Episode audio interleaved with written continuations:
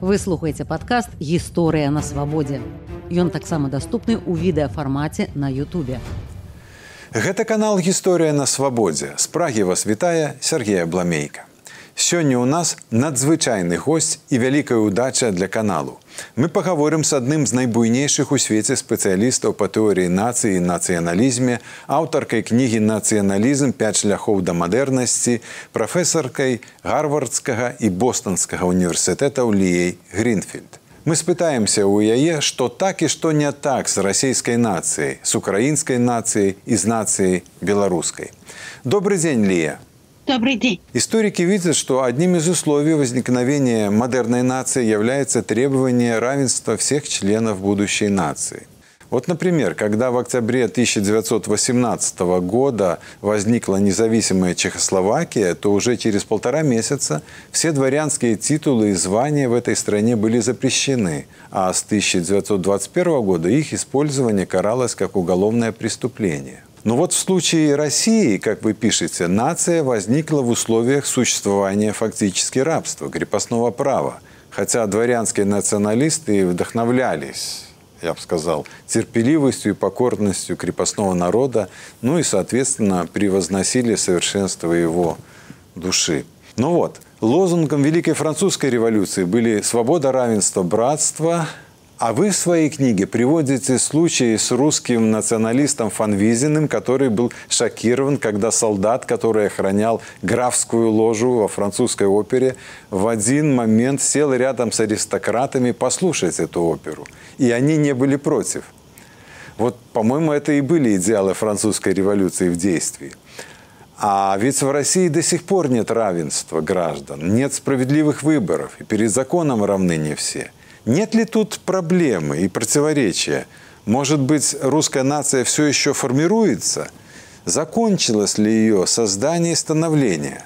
Это верно, что нация – это модерное понятие. Оно возникает в Англии в XVI веке. И это верно, что оно, это понятие, совершенно заменяет перспективу феодального общества, где существуют фундаментальные различия между различными сословиями. Это понятие различных сословий, это называется в модерной истории Society of Orders, это понятие заменяется понятием нации, которое специфически подразумевает суверенную общность то есть суверенитет народа, в котором нет фундаментальных различий между сословиями. Бессословное общество. То есть все фундаментально равны. Это принцип национализма. Все фундаментально равны, но это никогда не значит, что все равны на деле. Это значит только то, что каждый имеет право выбрать себе путь и стать тем, кем он или она хочет и может. То есть у всех одинаковые права мобильности, социальной мобильности. Это ясно, что нация на самом деле это идеал общества, это определенный идеал. Как этот идеал реализуется, зависит от различных случайных исторических обстоятельств. Вот, например, во Франции только в XVIII веке, то есть два века после того, как Англия определила себя саму как нация и уже отправила множество своих членов в Америку, где это означает, что нация возникла с самого начала колонизации Америки. Только два века спустя, в XVIII веке, Франция тоже переняла у Англии очень специфический этот идеал нации с его принципами равенства, свобода, братства. Это в этом слове «братство», в котором мы видим общую идентификацию. в сословном обществе идентификация была розненной. У каждого сословия была своя идентификация, а в нации существует только одна общая идентификация, и в этом состоит самое важное выражение принципа равенства. В России которая развела этот идеал нации в то же самое время, что и Франция, то есть Россия является одной из самых ранних наций мира, эти принципы были признаны. Они были признаны на самом деле только аристократией.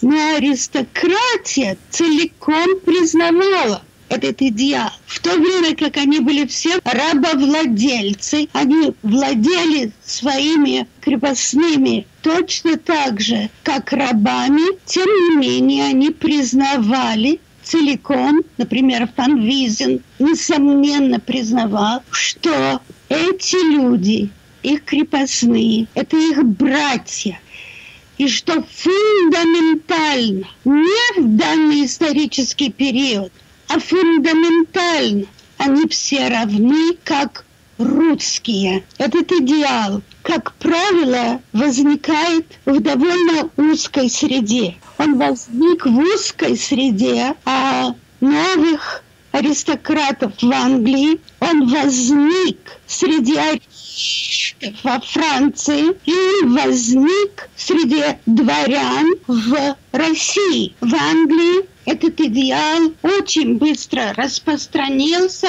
из-за английской религиозной истории.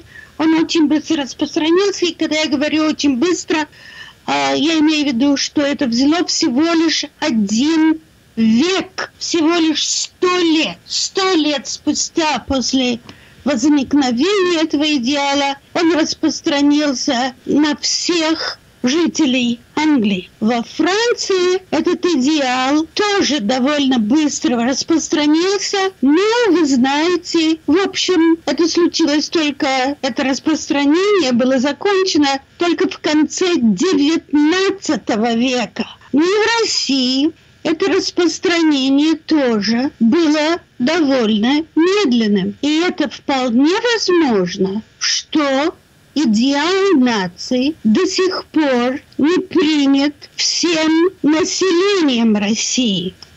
Это совершенно не странно. Это так происходит повсюду в зависимости от случайных исторических обстоятельств. Лия, давайте тогда э, я спрошу вас еще вот о чем. Согласно тому, что вы о русской нации написали, Запад является неотъемлемой частью русского национального самосознания, и России просто не было бы смысла становиться нацией, если бы Запада не существовало. Вы написали, что это нация зависти к Западу или нация ресентимента – а, а вопрос тогда встает, а может ли Россия изменить это? Может ли она искоренить свой ресентимент? И как? Как Нет. это может произойти? Может, конечно. В той мере, что она остается нацией, она не может этого изменить. Но подумайте, опять-таки, это совершенно не странно, это не необычно. Почему? Потому что нация, этот идеал нации, возник только один раз в одном месте из-за случайных исторических обстоятельств этого места в Англии в XVI веке.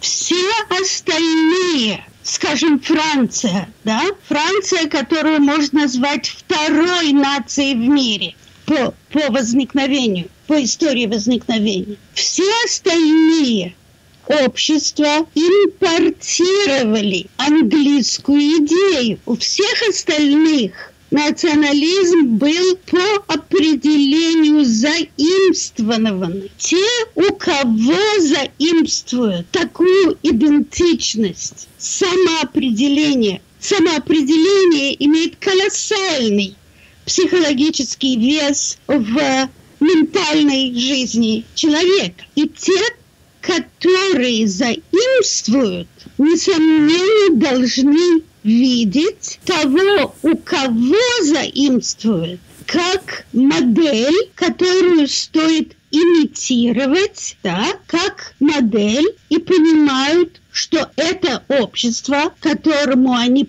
пытаются подражать, это общество лучше их.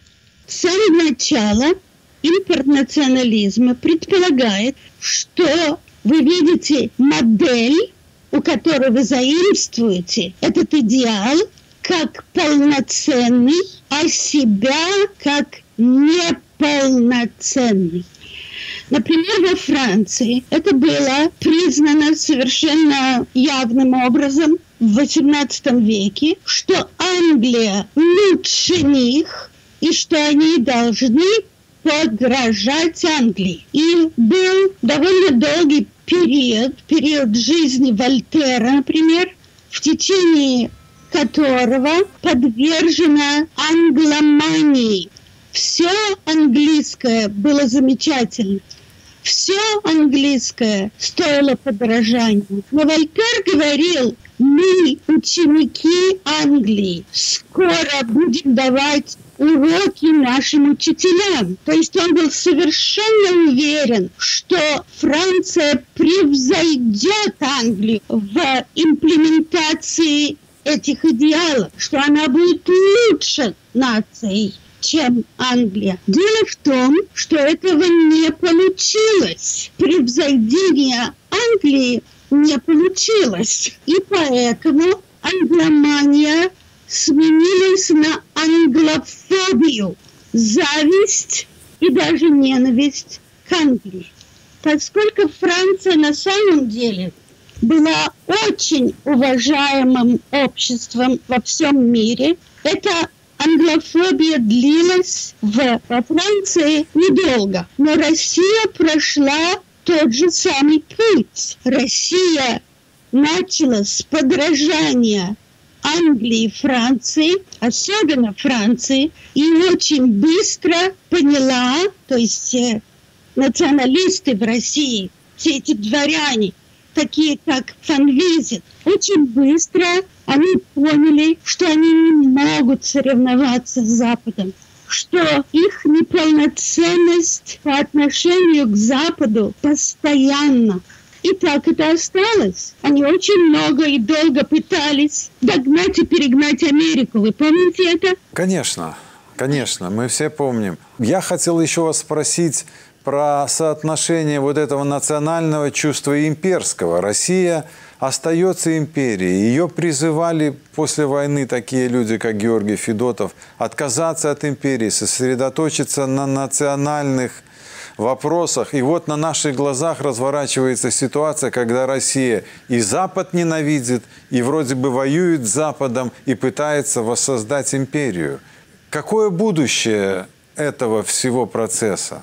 Во-первых, вы понимаете, что я не предсказатель будущего. И вообще ученые не должны заниматься предсказанием будущего. Это не наше дело. Те, которые этим занимаются, они плохие ученые. Империя, само понятие империи, совершенно не противостоит понятию нации.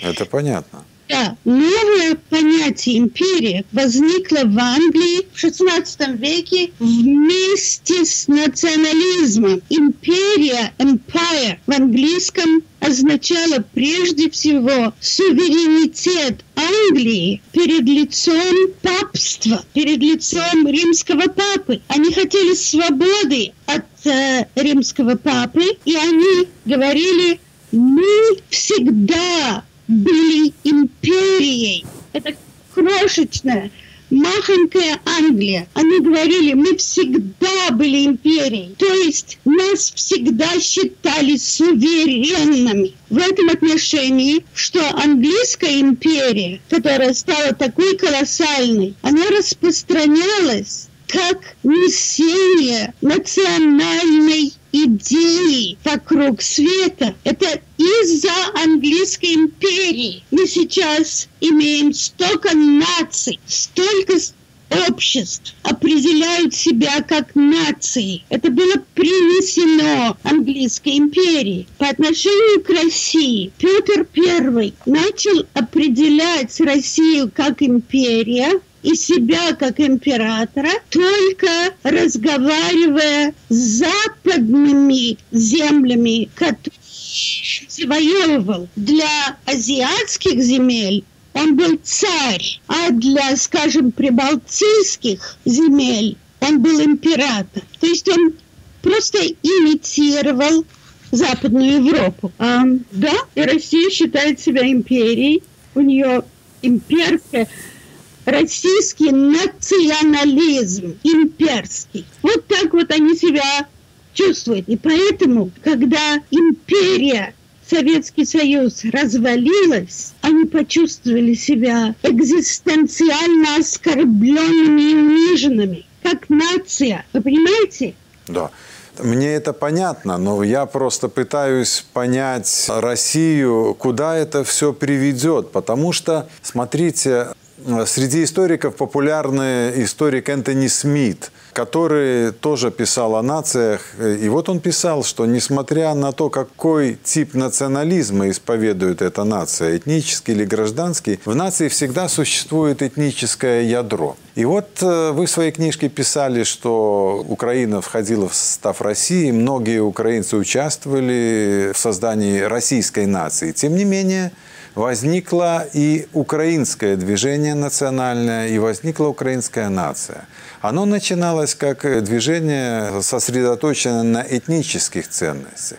Но вот на наших глазах сегодня возникает нация граждан Украины. Мы это видим. А может ли такое быть в России? А это вообще не может быть. Вот. Потому что мой покойный друг Энтони Смит был совершенно неправ. И его история, к сожалению, была ни на чем не основана и не имела логической подоплеки вообще. Поэтому такого не может быть. Нация не возникает из э, этнической э, общности. Исторически с исторической точки зрения само понятие этнической общности было следствием национализма, а не предшествовало ему. Вы понимаете, до национализма никто не искал свою идентичность среди простого народа. Да, против этого тяжело возразить, это да. да. Это так. То есть это все было быдло для людей высшего класса. Вы понимаете? И они только стали искать такую идентичность среди народа и с народом после того, как нация стала идеалом. И вот тогда, пытаясь объяснить нацию, они вдруг обнаружили этнические общности. Ну, как вы, конечно, знаете, это определение Сталина. Это Сталин, который определял нацию как то, в чем обязательно есть этническая общность.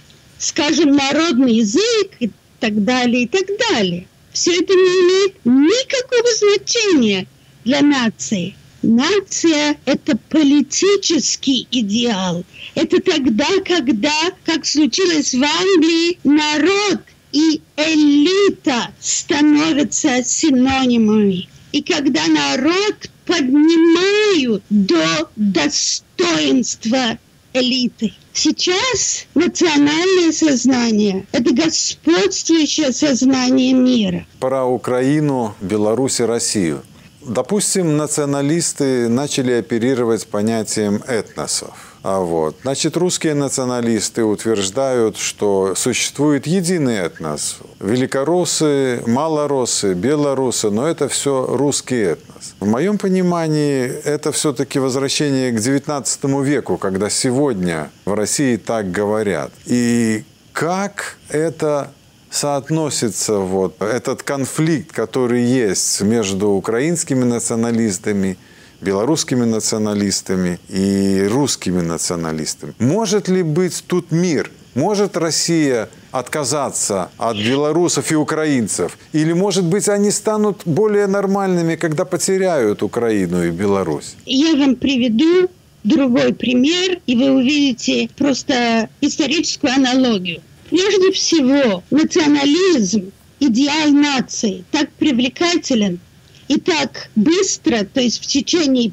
500 лет всего-навсего, а с исторической точки зрения это это очень быстро распространился по всему миру, потому что он делает личную идентичность членов наций, он делает эту идентичность достойной, он наполняет личную идентичность гордостью. Это очень важно. Всегда у человека есть возможность выбрать какой идентичности он принадлежит, потому что на самом деле это чисто культурное, это культурный выбор, это выбор между разными формами, это выбор между общиной, которой человек хочет принадлежать, а не между чем-то, что человек наследует по крови. Это совершенно не так. Никто ничего по крови не наследует. Так вот,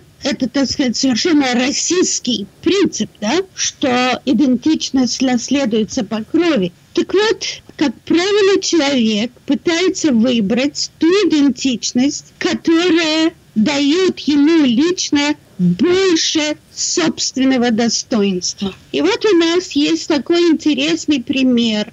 Это пример Испании и Каталонии. Испания все время настаивает, что Каталония – это часть Испании что Испания – это нация, а Каталония – это всего лишь провинция, которая принадлежит этой нации. Но почему-то с другим языком и со своей литературой, школами.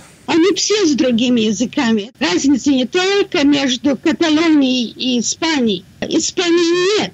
Испания состоит из провинций и в каждом из этих провинций свои диалекты. Не говоря уже о том, что, например, баски, у них совершенно, у них не просто другой язык, а язык другой лингвистической группы. Тем не менее, там нет такой проблемы, как есть проблема с Каталонией. Почему? Потому что Каталония наиболее развитая часть Испании не только наиболее экономически развитая, а наиболее культурно развитая.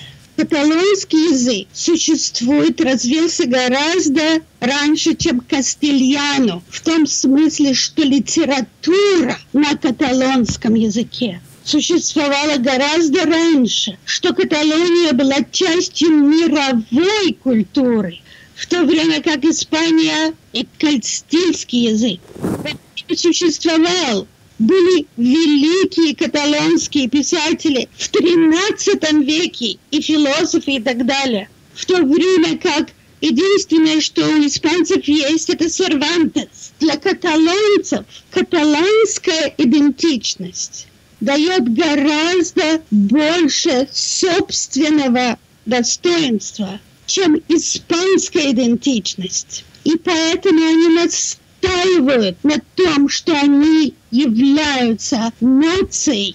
Люди, например, в Валенсии, которые говорят на том же каталонском языке, тот же самый язык, как в Каталонии. Они на этом не настаивают. Им это абсолютно наплевать. Подумайте, например, о Грузии. Грузия – это нация с очень долгой историей. Это второе государство в мире, которое приняло христианство до Рима, да, с великой литературой, с очень развитой культурой. И вот мы маленькая, и его все время завоевывали то те, то другие. И вот Россия их завоевала тоже, и они все время не хотели. Ну что они могут поделать с Россией? Россия большая, а они очень маленькие. Да? И там было довольно много людей в течение Советского Союза, например, в самом конце Шеварнадзе, да, для которых быть советским человеком или даже российским человеком давала гораздо больше личного достоинства, чем быть просто грузином. Потому что Грузия была крохотная, а Советский Союз и Россия были колоссальные. И то же самое происходило с интеллигенцией и верхушкой на Украине и в Белоруссии. Пока Россия и Советский Союз давали больше личного достоинства, готовы были не быть с белорусами и украинцами. А потом так получилось, опять исторические обстоятельства, в которых быть частью Советского Союза стало стыдно. И гораздо больше собственного достоинства давала, так сказать, этническая идентичность. И они решили, что потому что они говорят или могут говорить на другом языке, не то, что они говорили, а украинская интеллигенция в основном говорила по-русски.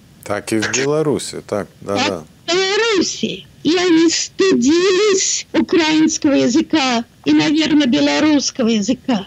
Но когда так получилось, что стало стыдно быть советским или русским, они перешли на другую сторону. Знаете, все-таки у них была альтернатива, которую 150 лет создавали националисты украинские, которые писали книги, на украинском языке, украинские политики, которые создавали попытку государственности независимой в начале 20 века. Так что за этим стояла национальная традиция, традиция национальной политической борьбы и культурное наследие какое-то культурное. Ведь академия существовала, все существовало у них свое. То есть это все-таки были суп э, квазигосударства. И в СССР выходили книги о развитии украинской и белорусской социалистических наций. Там да, даже так было. Но давайте тогда, в конце концов, что вы можете сказать о судьбе Беларуси за последние 100-150 лет или последние 30 лет? Я не знаю.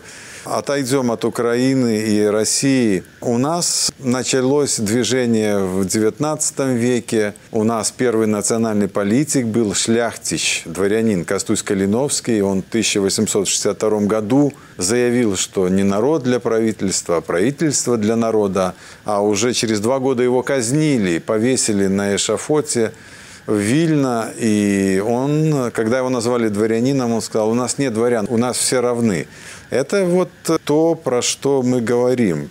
Он пытался реализовать вот это равенство всех членов этой национальной группы, которую он видел. Через 40 лет возникло движение политическое уже, сначала литературная. Так вот, видно, что за последние сто лет успех белорусского национализма зависит от силы России государственной. Когда Россия слабеет, украинцы и белорусы поднимают голову. Я не прошу вас предсказать, что будет, поскольку вы отказались давать прогнозы, тем не менее, возможен ли разрыв для белорусов и украинцев с Россией в недалеком будущем? Как вы считаете? Это возможно теоретически?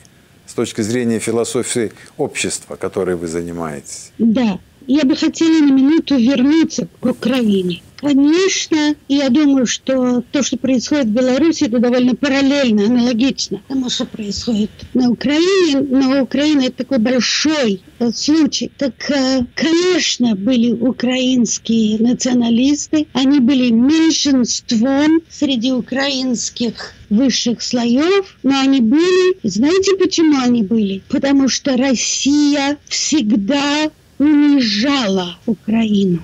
И реакция на унижение – это именно настаивать на собственном достоинстве. Россия унижала, русские унижали украинский язык. Когда человек говорил по-украински, ему говорили «говорите по-человечески». То есть как будто украинский язык да. язык обезьян. То же самое в Беларуси было, да. То есть это, это унижение. И человек – который связан каким-то образом с этим языком. Скажем, он бабушку свою любит, да? Конечно, это их взрывало. И они настаивали на достоинстве этого языка и на собственном достоинстве. Я думаю, то же самое было в Беларуси. То есть там было меньшинство высших слоев, которые были унижены поведением русских. Русские, русские власти, их унижали, потому что на самом деле они считали, что национальность передается по крови.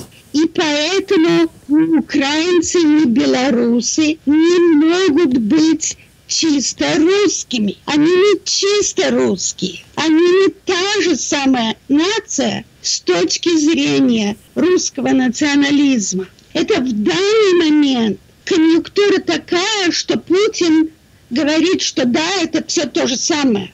Но на самом деле истинный русский националист не может в это даже верить.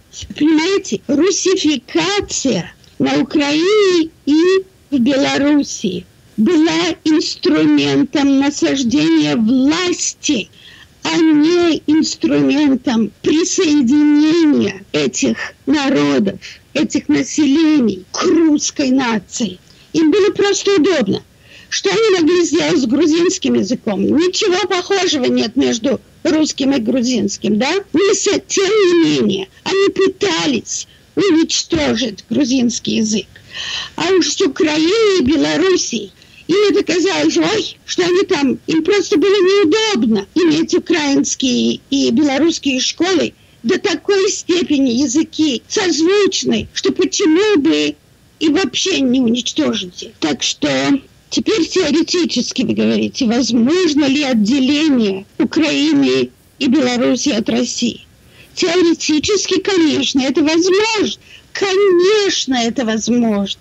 Но это зависит целиком от исторической конъюнктуры, от сложившихся обстоятельств. Вот бабахнет этот Путин атомной бомбой там или сям, и не будет такой возможности.